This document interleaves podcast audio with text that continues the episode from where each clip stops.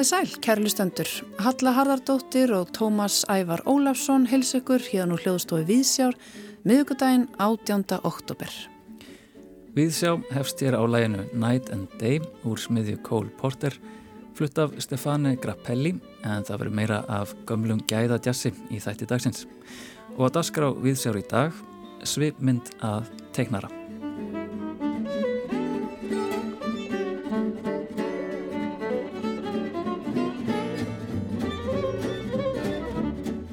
Rán Flýring er teiknari en einnig er hún rítöfundur, listamaður, hönnuður og aktivisti. Hún hefur gefið út bækur með eigin teikningum og texta en einnig unni bækur í félagi við aðra. Eldgós, hestar, fugglar, viðdís, saganum fyrsta konufossetan og saganum skarpíðin dungal eru meðal þeirra bóka sem að Rán hefur skapað. Í gær kom svo út hennar þriðja samstagsverkefni með Hjörlefi Hjartarsinni, bókin Álvar. Einni hefur hún málað fjallgöng og veggmyndir, teikna frímerki, bjórdósir, borgarlausnir og stopnað lundahótel. Í sumar vakt hún mikla aðtegli fyrir myndlýsingar sínar á sögu kvalveiða við Ísland. Fyrir verk sín hefur Rán hlutið fjölda veluna meðal annars barnabóka velun Reykjavíkur í flokki myndlýsinga þrísvar, fít velunin þrísvar en einnig hefur hún fengið barnabóka velun í Fraklandi og Þísklandi. Rán Flögering fættist í Noregi en ólst upp að mestu leiti í hlýðunum, umkringt pennum og pappir með þá óskiprjósti að verða sendill þegar hún erði stór. Hún lög B.A. gráðu í grafískri hönnun við Listaháskóla Íslands en nefnur nú heimsbyggi við Háskóla Íslands. Í gegnum árin hefur hún fengið nóg af Íslandi og ferðast um heiminn en hefur nú aftur lærst að elska Ísland. Við báðum Rán að taka með sér nokkur lög fyrir þáttinn og hennar fyrsta lag er Algjör sleggja við hefjum svipmynd af Rán Flýring á einum helsta frumkvöli djastónlistar á Íslandi.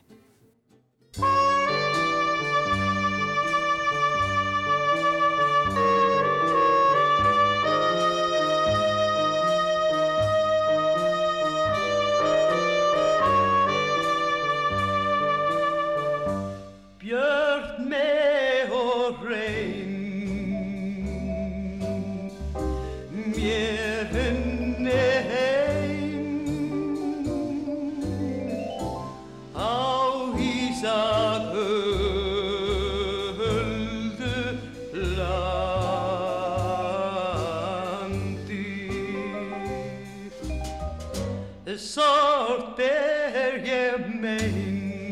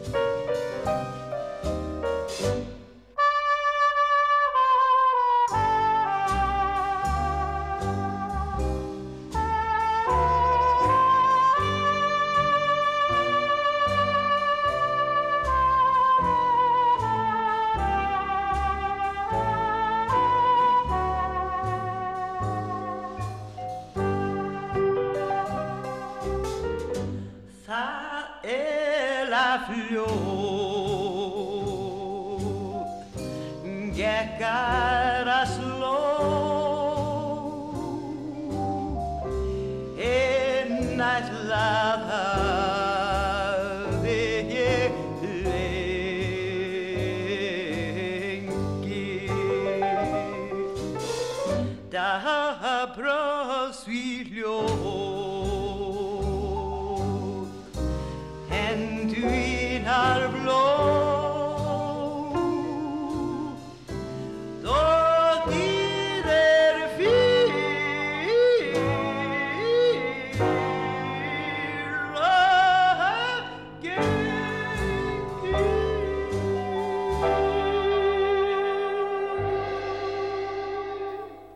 Mei og Reyn í flutningi Hallbjörgar Bjarnadóttur, lag eftir Stefan Ólafsson.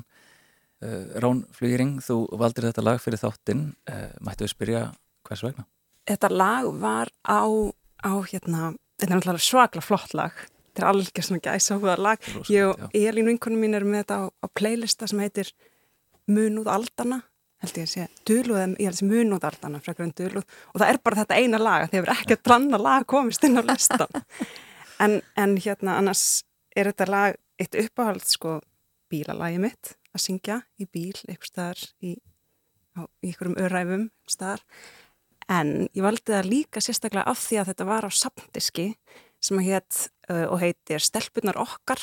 Og þetta verið svona tveggja diska hérna diskur og var með er með lögum, sungnum af íslenskum söngkonum og ég held að þetta sé allt svona frá 1920, þetta er eitthvað svona eitthvað, já, þetta er eitthvað svona fjórir áratugir af eitthvað svona algjöru klassik og ég dyrkaði hennan disk þegar ég var lítil og hlustaði mjög mikið á hann og Mm. þar með allt þetta lag Þannig þetta er svona hluti að þínu tónlistar uppeldi í rauninu bara. Já, já, þú veist Já. ég er kannski 10-12 ára eitthvað Mhm. að hérna, syngi bíl var bara svona mitt mjög gaman. Þú sagður okkur hérna að nú komst hjólandi hinga samt. Já, já, Já. og ég syng ekki á hjólunu, Nei, það er ekkert veginn ekki sama sko. það er alltaf erfitt í vindinum kannski. Já, og kannski lokaði rýmið uh, bílsins, já, enga rýmið kannski, já, það er satt, það er líklega það. örgustæður. En ég fekk samt svona því ég hugsa með það var kannski eitthvað að prófa á hjólunu. Já, Reykjavík er öruglega skemmtlegri sko, en maður heyrði því rattinar koma upp og niður strætin. Það er sko engar með í bíl, en þegar fólk, maður sér fólk synga í bíl, mm fólk sem syngur í bíl er gott fólk. Það er alltaf, alltaf það er eitthvað svona, eitthvað, einhver gæðastimpill. Hvar ertu upp alinn rán? Ég er fætt í Oslo í Noregi, er á norskum rótum, pappi er norskur og við byggum þar þannig til ég var svona þryggja fjár ára og þá fluttu við til Íslands og ég bjó í Breiðholtinu fyrst og flutti svo í Hlíðarnar Mm -hmm. og olst svona mestuleiti upp þar. Hafði eitthvað áhrif á þig að vera þessi fyrstu ári í Oslo? Svona í lífinu? Í lífinu, ég sko hef náttúrulega verið mjög, hérna, mm, ég á fjölskyldi í Nóri, ég var bróður sem að býr í Oslo og svo á ég, hérna átti ég ömmu sem að lést fyrir nokkrum árum og hún var í þrændalögum og pappi býr þar núna, þannig að ég er mjög svona sterka tengingu til Noregs. Þannig að hvort sko sem að hérna eitthvað svona akkurát Oslo þarna á þessum upp ás árum, ég veit ekki alveg það, en ég er svona, ég kannski ekki, já, já, en ég er, Mhm. það er þarna, Hlutaður er þar. hluta af mér er þar. Mm Og, og, og teikningin, uh, hvernig kemur hún inn í, inn í líf þetta? Sko, mamma og pappi eru bæði arkitektar, þannig að það var og þau unnu heima því ég var lítil voru með hérna, allavega mestan hlut að minna ræsku þá eru þau með vinnustofu bara inn á, á heimilinu. Það er svona voru með sína vinnustofu og unnu saman af verkefnum og þá var alltaf hérna, þau, þetta er náttúrulega áður en fólk fyrir að teikna á tölvu, þannig að það var allt sem hann á, á hérna, bara pappír þannig að ég einhvern veginn elst upp við það að að teikna er bara hluti af lífinu einhvern veginn, það er bara hluti af því að sko bæði fyrra vinnu en síðan greip, er þeim svo tamt að grípa í teikningu til að útskýra allt mögulegt. Þannig að það var alveg sama hvað það var það var einhvern veginn alltaf, það var alltaf blíjantur við höndina. Þannig ég held að það hefur verið svona ég finn hvað það er svona stert að, að ég hef ekkert eitthvað svona gríðarlegan áhuga á að teikna vel eða og mála eða veist, eitthvað svona hefur eitthvað en var ekki eitthvað sem þau gerðu og ekki eitthvað sem að svona, það sem að mér fannst mest spennandi við teikningu en það var eitthvað en þetta var bara svona hlutaði að tjá sig var að teikna. Þau teikna bæði mjög vel. Mér fannst reyndar alveg glatað að vera arkitekt og tengdi þetta ekki þá þó ég gerði það núna. En þá fannst mér svona eitthvað að sitja og vera að gera eitthvað svona strik alveg svona brjálaðislega stíft og ég ætlaði ekki að fara út í neitt svona. En svo, svo hefur þetta náttúrulega áhrif og ég var ekki, svona, var ekki frístund og fekk ekki að vera likla batna því þau voru alltaf heima, mér varst svo sjúkla ég er alltaf með likla núna um hálsin að því mér varst svo sjúkla sem alltaf vera með likla um hálsin en ég fór alltaf bara heim og þar voru þau að vinna og ég fekk kannski svona einhverjar svona arkitektatekningar og fekk að fylla inn í þær einhverja lampa og eitthvað svona inn í eitthvað einhverja skissur frá þeim. Þannig að þetta var svona mjög stór hluti af mínu uppeldi og áhuga líka -hmm. sem krakki. Og, og svona, já, að grípa til teikningarinnar til að útskýra um, áttu eitthvað dæmi eða minningur sem getur svona Það var bara hérna, útskýra bara allt mögulegt, bara eitthvað, hvernig eitthvað lítur út eða eitthvað, eitthvað þau voru alltaf að tala um arkitektur og alltaf við fórum í ferðalögu, það voru alltaf að fara að skoða ykkur hús og það var náttúrulega bara að teikna upp ykkur kort, hvert fórum að fara eða hvernig ykkur einhverju prófílar á einhverjum byggingum eða glukkum voru en kannski ekki eitthvað mér, bara eitthvað svona útskýra hvernig eitthvað virkar. Mm -hmm. eða hvernig eitthvað tengist eða hvað er eitthvað eða í búðinni eða, eða já. Þetta er merkilegt vegna þess að sko, ég veit ekki hvort þú var að hugsa um það á þeim tíma að þetta gæti verið eitthvað sem myndi nýta sér í framtíðin og vera eitthvað praktíst vegna þess að núna ertu ekki bara að búa til þín eigin bækur og vinna með rítvöndum, heldur ertu líka mjög mikið að vinna við að myndlýsa alls konar hluti eins og bara skýrslur, það kom nú bara skýrsla út í morgun, skýrsla vísindanemdar um lofslagsbreytingar, þar sem að þú ert að teikna við hvern og eitt kabla mm. og þú eru auðvitað unni fyrir félagsamtök, ímis, finnst þið hvernig þetta leiður mann óvart, Já. akkurat. Akkurat og maður sér það kannski ekki fyrir bara einhvern veginn þegar maður er komin alveg hinum meginn við. Mm -hmm. Og eins og segi, ég ætlaði alls ekkert að, ég ætlaði reyndar að vera, ég ætlaði að vera rítufundur og sendill. Ég veit ekki hvað ég ætlaði að sendast með en mér fannst bara eitthvað svona sjúkla svalt að vera hjóli í einhverjum svona búning í einum lit og vera eitthvað svona að fara með eitthvað. Mögulega eitthvað típa sem það séði myndasögu. Mögulega. en, en hérna, það var svona moment einhver tíman í æsku. Ég man þetta ekki sjálf en mamma man þetta skýrst að ég var að skoða okkur bók og, og horfa á myndirnar í henni og það kemur bara eitthvað svona eiginlega svona eins og ljósa pera og bara já það er einhver sem að vinnur við að tekna þetta. Ótrúlegt. Er það, er það kveikjan? Bara alveg að... Já það var ekki beint eitthvað svona, það ætla ég að gera því ég sagði það eru bara einhverjir mjög fáir útvaldir mm -hmm. sem geta gert það en það var eitthvað svona, já þetta er, þetta er hægt. Mm -hmm. Og varstu mikill myndasögu lesandi sem úlingur? Um, sko, eiginlega, já, já, Andris Önd er mjög, það er mjög norst að fýla Andris Önd. Andris Önd var alveg svona stór karakter líka í, í mótandi karakter í æsku og er enn. Þannig að hann var mjög ofulega lista og svo hérna myndsögur en ekki svona, ekki, ég bara las mjög mikið, já. almennt. Mm -hmm. Og hvenar ákastu að þetta er í leiðinni? Þú fórst í listaháskólan? Ég fór í listaháskólan uh, og lærði grafíska hönnun Ég er enda sótti um sko í listaháskólan og á Hóla og ætlaði að fara í, í hérna tamningamæðin og Hólum og það var eiginlega plan A og svo komst ég inn í listaháskólan og ákvað þá að skiptum stefnu og fara þángað, eða ekki skiptum stefnu, það var alltaf svona bæði, bæði uppi. En þannig að ég fór beint þángað mm. 19 ára og hérna það var æðislega gaman. Og það var svona upplifun ekkert neina að fara í nám þar sem allir hafði áhuga á því sama og ég. Og svo já, svo kláraði ég þar og þar var svona teikning, jú, ég teiknaði en ekkert eitthvað svona svakalega mikið í náminu og svo bara þegar ég hætti þá fór ég að vinna hönnunastofu og þá fór teikningin svona meira að einhvern veginn læðast inn. Taka yfir. Taka yfir, já, ég fór að taka með fleiri verkefni og síðan var ég búin að vera á hönnunastofu hjá hann Alla Hilmarsinni og það var frábært. En eftir ár það hugsaði ég ég er 20 og eitthvað, tvekja, þryggja og mér fannst eitthvað svona að vera í 9-5 vinnu vera einhvern veginn ekki alveg málið. Og þá ákvað ég að hætta og aðtöða hvort ég gæti séð fyrir mér með því að teikna. Og þú gast það svo sannlega? Fannst þér að vera orðin mjög gömul þarna 22? Nei, nei, nei, mér fannst það ekki. Eiginlega þvert á móti og það var eiginlega ástæðan fyrir því að mér fannst það vera mjög gamalt að vera í vinnu mm, 9-5. Mér fannst það einhvern veginn ekki alveg vera... Og hvað var svona Mál. fyrsta frílansverkið þitt, mástu það? Það er sko verk sem hefur fyllt mér eiginlega alveg frá því að ég var í listafaskólanum og bara, ég átti síðast samtala um það, símtala um það bara fyrir tveimu vikum og það eru tónfræðibækur sem heita Opus og það er hérna, e, eru tvær sem að skrifa þessar bækur, tónlistakennar og ég setti þær upp og, og hérna, það eru mjög svona myndrænar og, og hérna, já, og við byrjum á þessu samstagsverkefni teikn, ég teiknaði og, og setti bækurnar þegar ég var í listafaskólanum og síðan er þetta búið að fara í gegnum marga fasa og er bara en, lifur enn í dag mm -hmm. og, en, en var það síðan auðveld byrjun að fara að lifa svona verkefni fyrir verkefni sem, sem teiknari? Eða, það var eitt svona mjög stórt um, ég sótti um svona sumastarf hjá hinn húsinu sem var hérna sem að ég gaf titilinn Hyrteknari Reykjavíkur og það var rosalega svona mótandi verkefni og bara vakti miklu aðtegli og ég var þarna á götum Reykjavíkuborgar að tekna svona það sem fyrir augu bar og í rauninu bara það sem ég ger í dag sem er svona snar tekning, heim, heimildatekning og byrsti þetta á netinu og var með eitthvað svona öðursýningar og síðan var haldin síning á þessum tekningum líka. Og þetta bara einhvern veginn vakti aðtikli öruglega út af þessum hérna stóra tilli líka. Og það var einhver svona að rífa kæft á netinu um að Reykjavík bara hverja splæsa í, í heyrðteiknara og sem síðust á verstu tímum. Um, þannig að þetta verkefni var svolítið svona ég held að hafi bæði gefið mér svona ákveðið hérna einhvern veginn fannst ég bara, já, þetta gekk vel og vakti aðtekli og mér finnst það rosa gaman og gaf mér fullt af hugmyndum.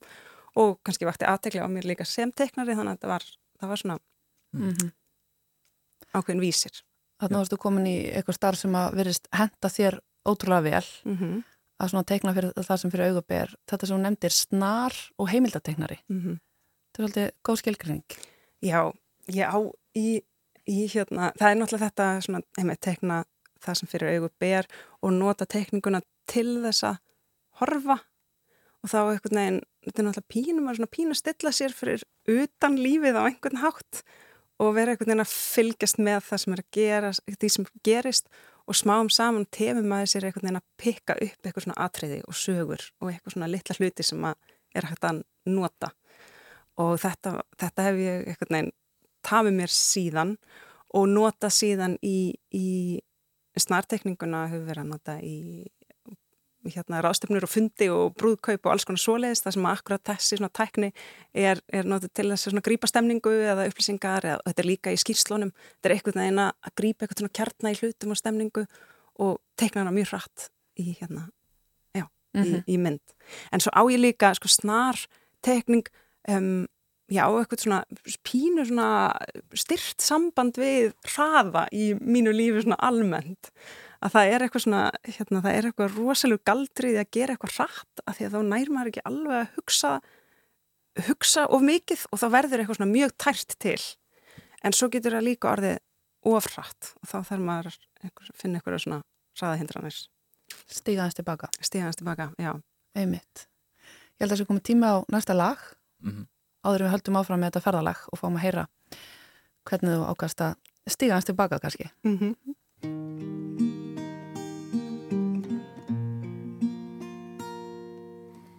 Ah.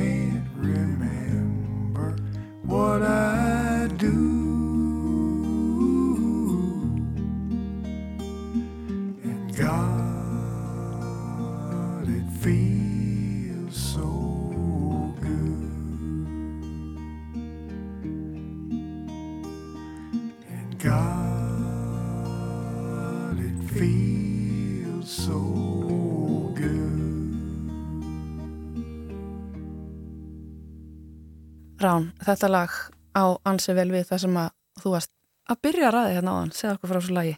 Þetta er Dan Reeder og lagi heitir It Feels So Good. Og hann segir þess að kvöldinu setningu í læginu um, ég er búin að vera svo lengi frá vinnu að ég man ekki einu svona hvað ég geri. Og ég nota þetta lag sem svona, þetta er smá svona mantra, sérstaklega ymmið þegar ég þarf á þessu svona hraðahindruna að halda að þá er þetta lag hefur orðið svona hefur orðið svona ákveðin svona eitthvað svona þingingarafl hérna í þessu lagi, hann fer endar á eBay líka og kaupir eitthvað sem hann þarf alls ekki. Það er kannski ekki alveg hluti að minni möndru en akkurat þetta, ég er búin að vera svo lengi fyrst ég man ekki hvað ég ger, mjög flott. En ég er náttúrulega samt sko er náttúrulega að vinna eitthvað sem mér finnst brjáleðislega gaman alltaf. Og ég gleymi því ekkert hvað ég geri. En síðan er svona, það er svona já. En er ekki líka stundum bara mikilvægt að stiga þess tilbaka til að fá, til að endunja sig líka? Af því að þó það verður ótrúlega gaman hugsa ég að þinni vinnu þá er röglega næðsynlegt líka að að lefa sér að þróast, kannski nýja ráttir eða eitthvað? Jú, jú, sko það er eitthvað við það að vera, vera sjálfstæðstarfandi er náttúrulega mjög, mjög svona, þetta verður allt svona einn gröytur, það er kannski það það verður allt svona svolítið tengt og þegar, þegar maður er að vinna við svona margt skemmtilegt á einhvern veginn þarf maður að finna eitthvað svona einmitt, eitthvað svona einhver skil mm. eða þannig. Og það hafa alveg verið tímabeil í, í hérna vinnunni þar sem að það hefur verið komist mjög nálagt í að vera ekki gaman lengur. Og það er ekki góð tilfinning.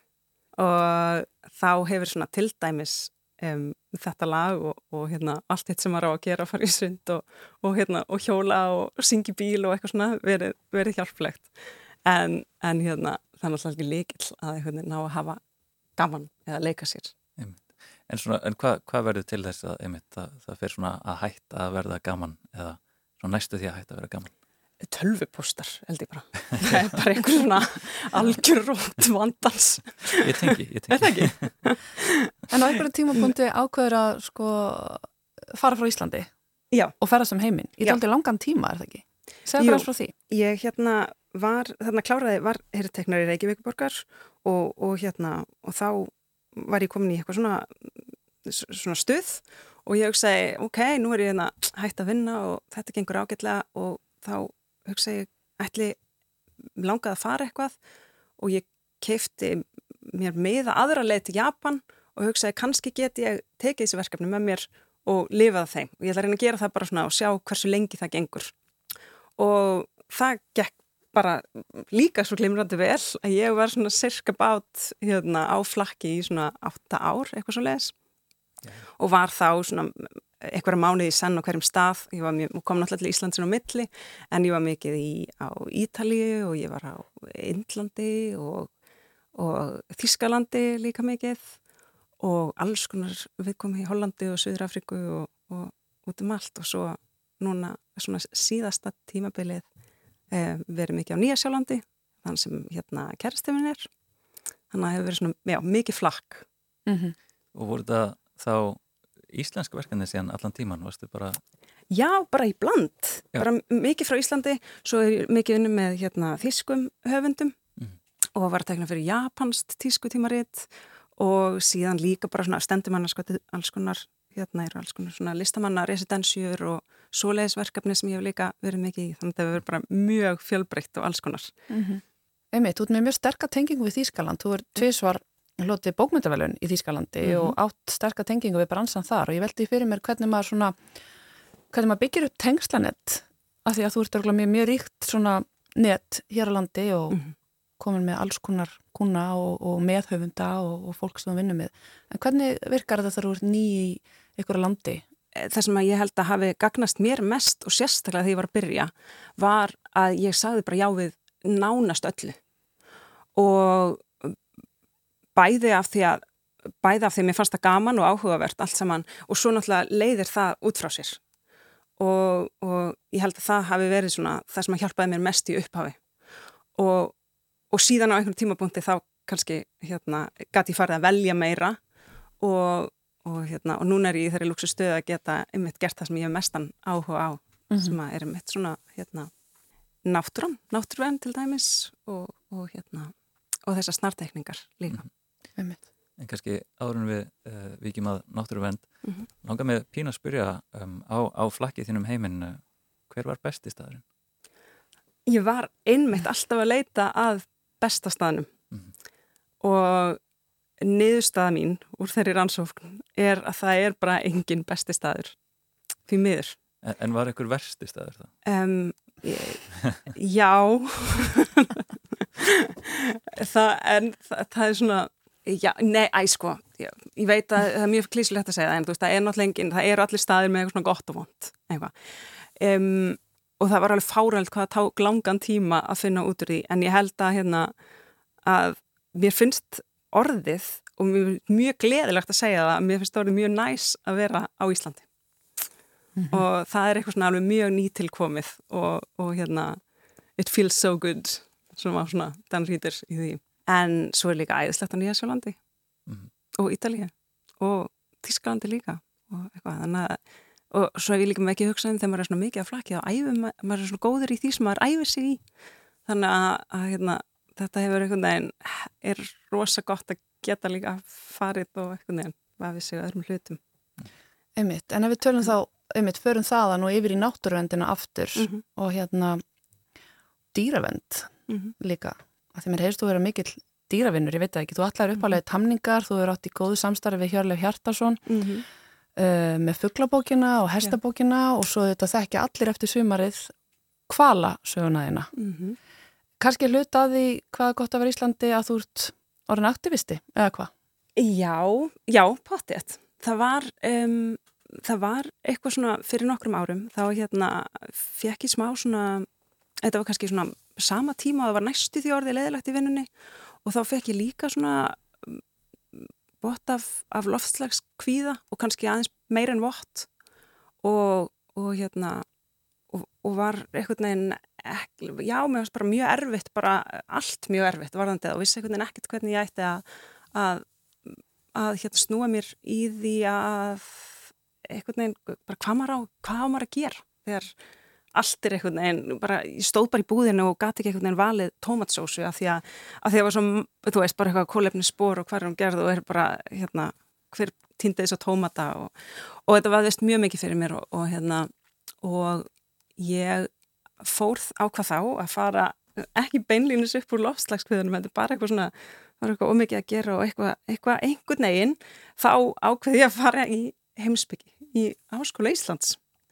Og um, sem eitthvað svona svar við og mikill vinnu og mjög mikið spurningu og þetta var mjög átriðverík og góð ákvörðan þannig að ég verði í þessu námi síðan.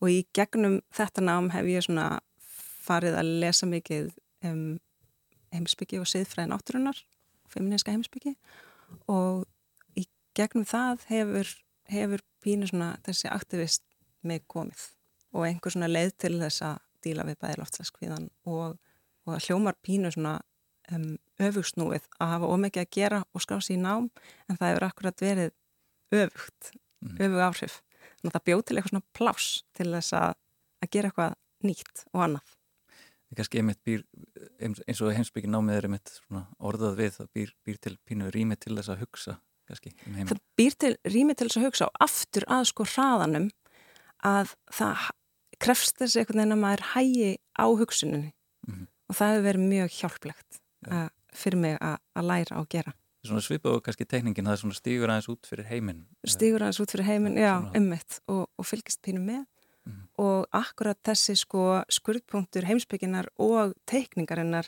það er eitthvað ofbúslega spennandi þar sem að er ekkert, það er ekkert rosalega það er mjög mikið nýtt held ég að finna akkurat þar. Sem er mjög spennandi En uh, já, hvala, hvala myndinar í sumar uh, mm -hmm. fóru held ég ekki fram hjá bara neinum hérna á Íslandi Mér langar að svona spyrja um ferli bara hva, hvenar kemur þessi hugmynd að, að útskýrta þannan hátt og, og bara getur þú tekið okkur í gegnum það hver, hvenar þú byrjar og, og, og hvernig þetta kemst út síðan. Hvernig það kemst, já um, það byrjaði þannig, þetta er eitthvað sem að ég hef um, bara svona eitt af þessum málum sem að eh, hefur einhvern veginn lág á mér og ég hef ofta hugsað hvað gerir maður um, hvað gerir maður einhvern veginn einn og keirir hann í kvalfyrði og hugsaður um þess að já, ég, ég einhvern veginn hef aldrei fundið mér einhvern svona beinlínis mótmælum eða svona hefðbundnum ef það er til aktivisma en svo um, en svo fylgist ég með um, ráðstefni sem var haldin í Norrannahúsinu um kvalveðar. Þetta var í, ég var stött á Nýjasjólandi og þetta var þá ekkert tíman í janúar eða februar eða eitthvað svo leiðis og, og það var rætt við, við hérna, alls konar fræðinga á þessu sviði og hún stjórnaði þessu, hún Kata Odds. Og þetta var þannig, þetta var reyndar þannig á einhverjum tímapunkti þurfti ég bara að loka tölvuna, þetta var bara of mikið og of hræðilegt. Og ég setti mig í samband við hann og sagði reynilega bara ef, ef það væri eitthvað sem ég geti hérna, tekið þátt í. Og það er kannski svo stór likil að, að þessu af því að einhver svona, það var eiginlega það sem þetta verkefni kendi mér að það þarf einhvern veginn að gera svona hluti saman mm -hmm. og, og þaðan komst ég í samband við fólk sem veit meira um hvali en ég og hvalveðar og ég eiginlega fekk bara svona aðgang af því gegnum kvötu og þetta fólk að fekk ég einhvern aðgang af þeim upplýsingum sem að ég þurfti og, og, og að viða að mér og svo á einhverjum tímapunkti þegar ég er búin að vera að lesa og sapna þá sest ég niður og tekna þessa skýrstlu og það er svo litið eins og vorum að segja þetta með að hægja hugsunina þá þarf ég að hérna, einhvern veginn að kjarna þetta niður í eitthvað svona eina línulega frásögn.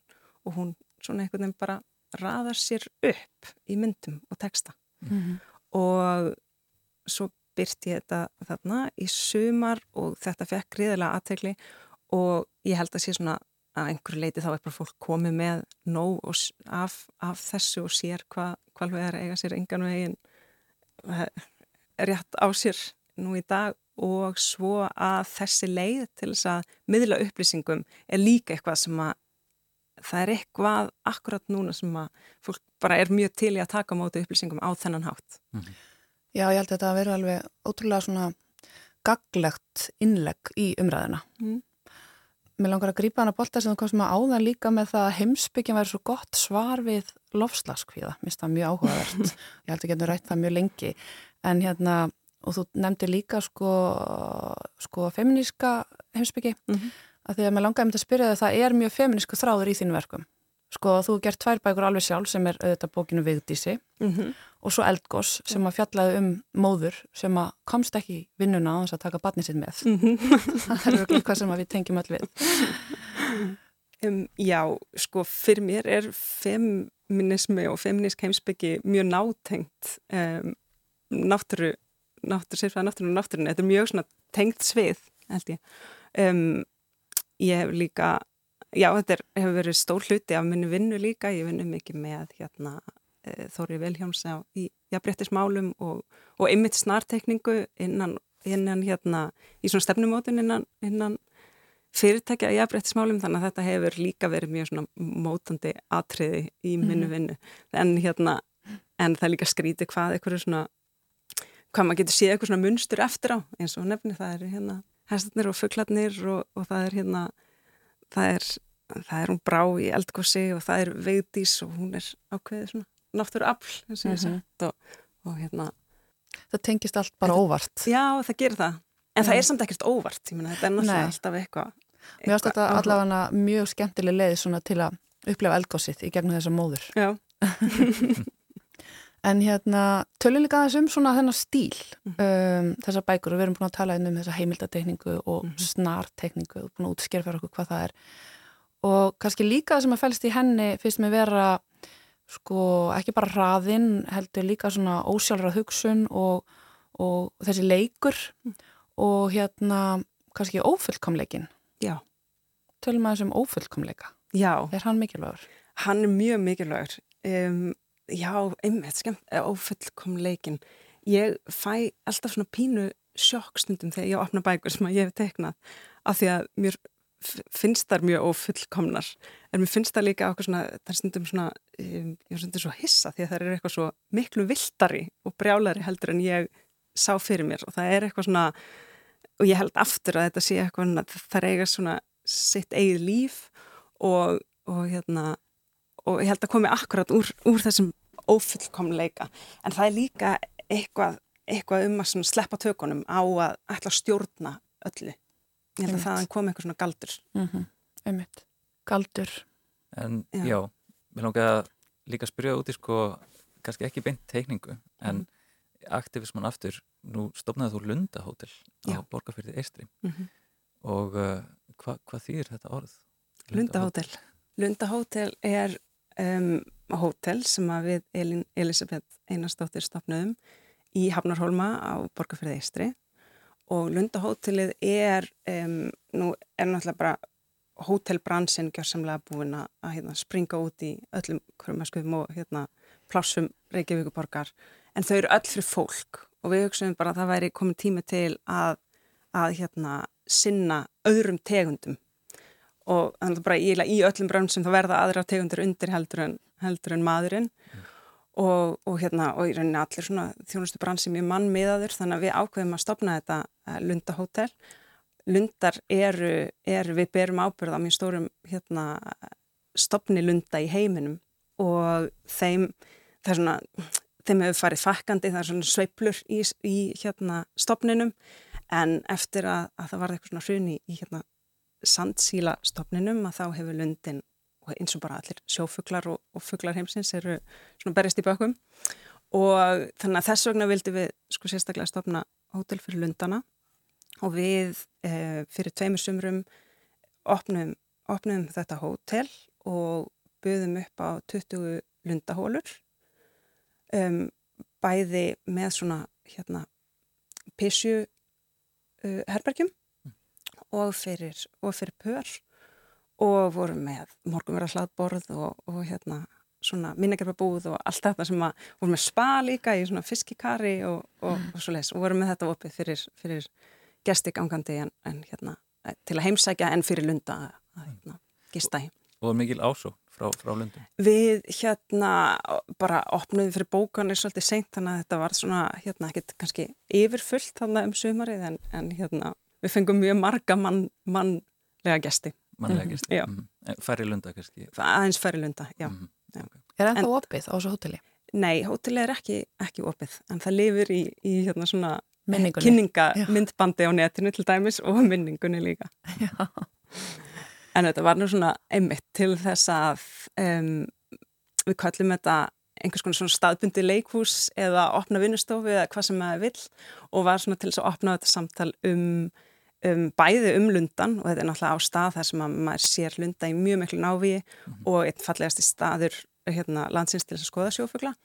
Og vildum svona hérna búa til einhvers konar samtal um, um hérna bara hvað eh, hérna þess að svona mannmiðið hvað var að segja, hvað við erum ábúrslega mannmiðið Algjörlega Einmitt. Og þetta er þá einmitt svona svolítið hluti af aktivismunum sem við hefum verið að tala um líka. Já, svona óhefbundur, óhefbundin aktivismi. Og sumarið áður þá opnuðum við Lundahóteli var í rauninu svona framhaldsverkefni af Lundabúðinni sem við opnuðum í fugglaskoðunarhúsinu í Hafnarhólma og þar voru við að búa til, sem sagt, um, varum myndin á, já, við gerðum Lundavörur innan um Lunda. Það sem ekkert var til sölu heldur allt til sínes. Þannig blandast þetta allt aftur saman dýravenduninn, aktivismin uh, leikleðin, mhm. galdurinn mm -hmm. gjörningarnir mm -hmm. uh, hvað er framöndan, Rán? Uh, það er að koma út bók bara núna í vikunni, það er þriða bókin okkar Hjörleifs Hjartasonar uh, í seríunni um, fyrsta bókin var um fuggla og svo gerði við hesta og nú kemur bókin Álvar og þessi bók er um, hún er svona í sama anda og hinnar tvær bækurnar og, og tekur saman sem er að vissuleiti endursagnir af þessum álvarsögum sem við þekkjum mörg og nýjum eða álvarsögum sem er kannski ekki alveg vel þekktar og svo svona hugleðingar um samband okkar við álva sem er innmitt fólk og, og hérna feminismi og konur og náttúrann. Innmitt. Var það samt ekki krefjandi verkefni sem teiknari með liður þess að álvar séu ofta þetta svona lifa á því að vera óséðir, við veitum ekki alveg hvernig þetta út. Nefnilega, þetta var mjög mikil áskorun og mjög mikil sko ábyrð það ætla sér eitthvað neginn að myndgera álfa, það er eiginlega ógjörningur að gera það. Um, það sem að þessi bókirendar mjög sérstök að því leiti að það eru eiginlega engir álfar í henni sjáanleir en fyrir mjög næma þá er þessi bók, ef maður skoðar hann á ákveðinhátt, þá byrtast manni álvar. Mm. Það er sem sagt svona huldubleg, hún er prentið að hluta til með því sem við hefum kallað huldubleg og þannig að það má sjá móta fyrir álfum en maður er, er svona á þeim stað að geta séða. En, en, en ferlið að gera þessa bók um, kom eitthvað upp, við hefum heyrt rosalega mikið af, af svona um leiðu fyrir maður eitthvað nýka við alva arfinum sko að þá, þá fara að gerast slísi að þá komiður og tröfli mann. Já, já. Voru ykkur ræðahindranir? E, það eru, um, já sko, það er það eru nokkur merki þess í bókinni sjálfri að það hefur verið eitthvað átt við eitthvað um, og svo uh, líka svona frekar snemma í ferlinu þá þá dreymdi mig draum og ég geta eiginlega ekki sagt hann allan af því að hann er svo hræðilegur en, en hérna ég held að ég hafi fengið svona hótun frá alvonum um að ég var svona við það, ég var, veginn, var ekki komin að stað og gekk eitthvað rosalega hægt hjá mér og ég vissi ekki alveg, eitthvað var eitthvað alveg stopp, komið með eitthvað svona reittstýplu, teknistýplu og þá drefum mig draum þar sem að alvarnir koma til mín og sína mér jarðafur og þetta var bara svona alveg ljóslifandi, ég bara man eftir bara, það var svona vefnaður á kistunni og eitthvað og ég ætla ekki endilega að segja hver var þarna, hver láð þarna í kistunni en þetta var alveg svona greinileg ég. Ég, ég tók þetta allavega til mín sem svona, nú skaltu drullast til að eða. Já, já. til að gera þetta verkefni vel til að gera þetta verkefni, já, já, eitthvað nægina ekki láta skorinn í sandin heldur. Skalti, skalti drullæra stað í þetta. Og ég gerði það og, og hérna og, og hún er komin út þannig að þetta er verði vonandi í lægi Og hvernig sækir maður sér innblástur að því að sko þegar þú varst að gera fugglabókina og hestabókina þá gerir ég ráð fyrir að þú hafi verið bara daldið að kafa ofan í þann heim hvernig sækir þér innblástur í þennan heim? Um, ég, e, já, hvernig sækir maður þessi innblástur í álfa heim? Ég, maður les náttúrulega um álfa og, og hérna og hann hjörleifur er náttúrulega búin að viða að sér alveg ofbáslega miklu efni um álfa og hann er náttúrulega frábær sögumæður og hann nær alltaf einhvern veginn að kveikja á nýjum perum og, og setja eitthvað svona þessar sögur í nýtt ljós. Um, ég hef sjálf haft áhuga á þessu sambandi manna á álfa og, og hérna og hef svona í laumi verið að sapna sögum af, af, af hérna, áhrifum alfa og, og hérna og einhversu svona hérna, gangnagerða maður í Ottskarði fyrir, fyrir austan sem, a, sem er að hérna, grafan hefði bíla og þeir hefði fært aðeins göngina því að það hefði álvar hérna, verið þar og í skemdarverkum til þess að hafa áhrif á vinnu og alls konar svona sögur. Þannig að, að, hérna, ég eitthvað nefn sótt sér svolítið þangað um, og og það sem að eiginlega komir og óvart það sem ég kannski hugsaði mest í þessu ferli var, um, eða það sem ég lærði í þessu ferli var að ég held einhvern veginn að álvar væru og ég byrjaði þar, ég held að álvar væru mest einhvern veginn um samband okkar við náttúruna. Og einhvers konar svona dæmisögur eða alvörsögur um, um það að einhvern veginn kannski ekki að, að bera verðingu fyrir náttúrunni og, og ekki taka meira en maður þarf og allt þetta. En það sem að ég eiginlega kom stað í gegnum þessa vinnu er að mér finnst hjapvel þetta fjalla meira um, álvar vera meira um sko samband, um fólk og samband okkar við okkur sjálf og þessi svona grái svæði og hvað má vera og hvað má ekki vera og, og eitthvað svona tabú. Vá, áhugavert. Ég er án alls spennt fyrir þessara bók. Já, saman hér. Já, hérna við erum alveg að klára tíman. Um, ótrúlega gaman að sita með þér Rán Flýring, teiknari Sumulegis Við ætlum að fá að eh, setja lokalægið bara á fónin að vera með hvernig þig Þú ætlar að segja okkur frá lokalæginu Lokalægið heitir Kjero Saber um, með Odyssey og er lag sem er annað svona lag sem er mjög hérna, gaman að raula með. Um, ég valdi eiginlega þetta bara lag algjörlega með innsænu þetta er bara frábært lag og, og hérna hann segir, e, syngur Kero Saber de la vida, ég vil vita um lífið. En hlusti maður á það með íslenskum eirum þá segir hann, gjöra svo vel de la vida. Og það er flott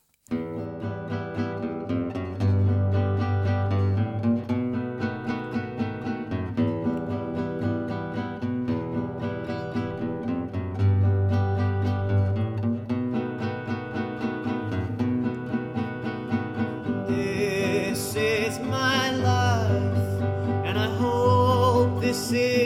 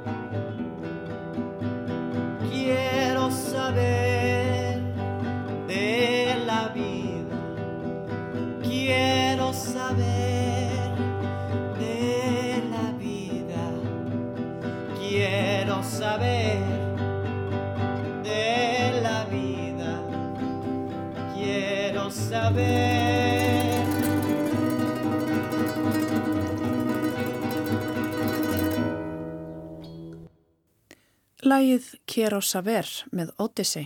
Það var Ránflýring, teiknari með meiru sem laug svipmynd dagsins með þessu lægi.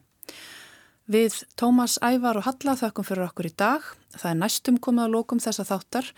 Við ætlum að ljúka honum með listakonunni sem Hóvan, Hallbjörgu Bjarnadóttur. Við ferðumst með hjálp tónlistarinnar nokkur ár aftur í tíman, aftur til ársins 1940.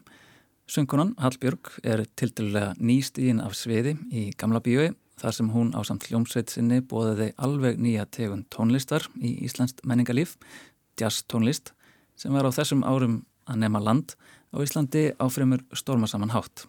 Því ekki voru allir par sáttir við þessu útlendu tónlistaráhrif. Söngnæm og listelsk húsmóðir skrifar til að mynda í morgumblaðið um tónleika Hallbjörgar. Tjaldi liftist, döfbyrta í salnum, ungfrún kemur syngjandi inn og stillir sér fyrir framann hljóðneman. Svei mér þá, maður skildur nú halda öll menning væri útdauð þegar maður hugsa til fjöldan sér líður á og hallar undir flatta hrifningu. Að hugsa sér þvílíkt, að auðmingja fólki skuli ekki vita af neinu betra til að eigða auðrum sínum í en surgið í grófum streygabassa. Stúlkan fyrir aftar mig sagði, Göðu hvað hún syngur ekki lekkart og stundi við. Ég satt þarna eins og illa gerur hlutur og hugsaði með mér, skild hún ætla að halda svona áfram í allt kvöld. Ég sárvorkinni þessum auðmingja einföldu mannesku sem streyma þanga kvöld eftir kvöld og álýta þetta sem með því besta sem heimur er hafi upp á að bjóða. Stregabassi, mjadmavak og garg, drottin minn firman úr róta en döðróta. Blesunulega höfðu rattir sem þessar ekki yfirhöndina í menningastriðinu við djassin. Blesunulega eigum við upptökur á borðið þessa.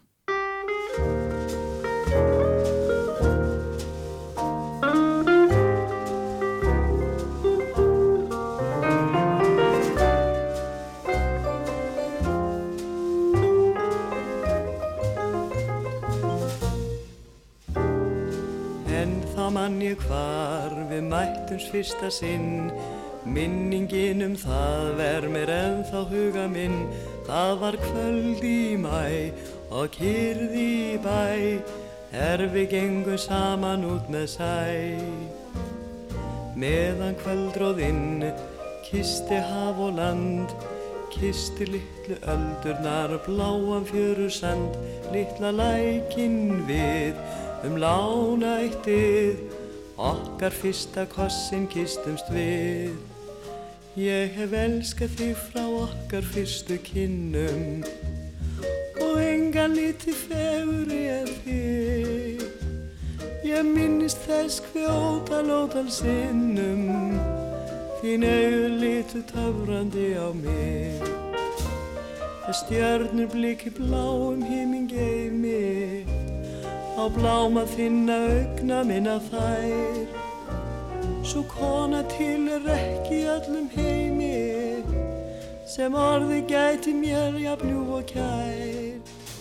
Ég hef elskað þig frá okkar fyrstu kinnum og yngan líti fegri en þig. Ég minnist þess kvjóta lótal sinnum, þín auðlítu töfrandi á mig.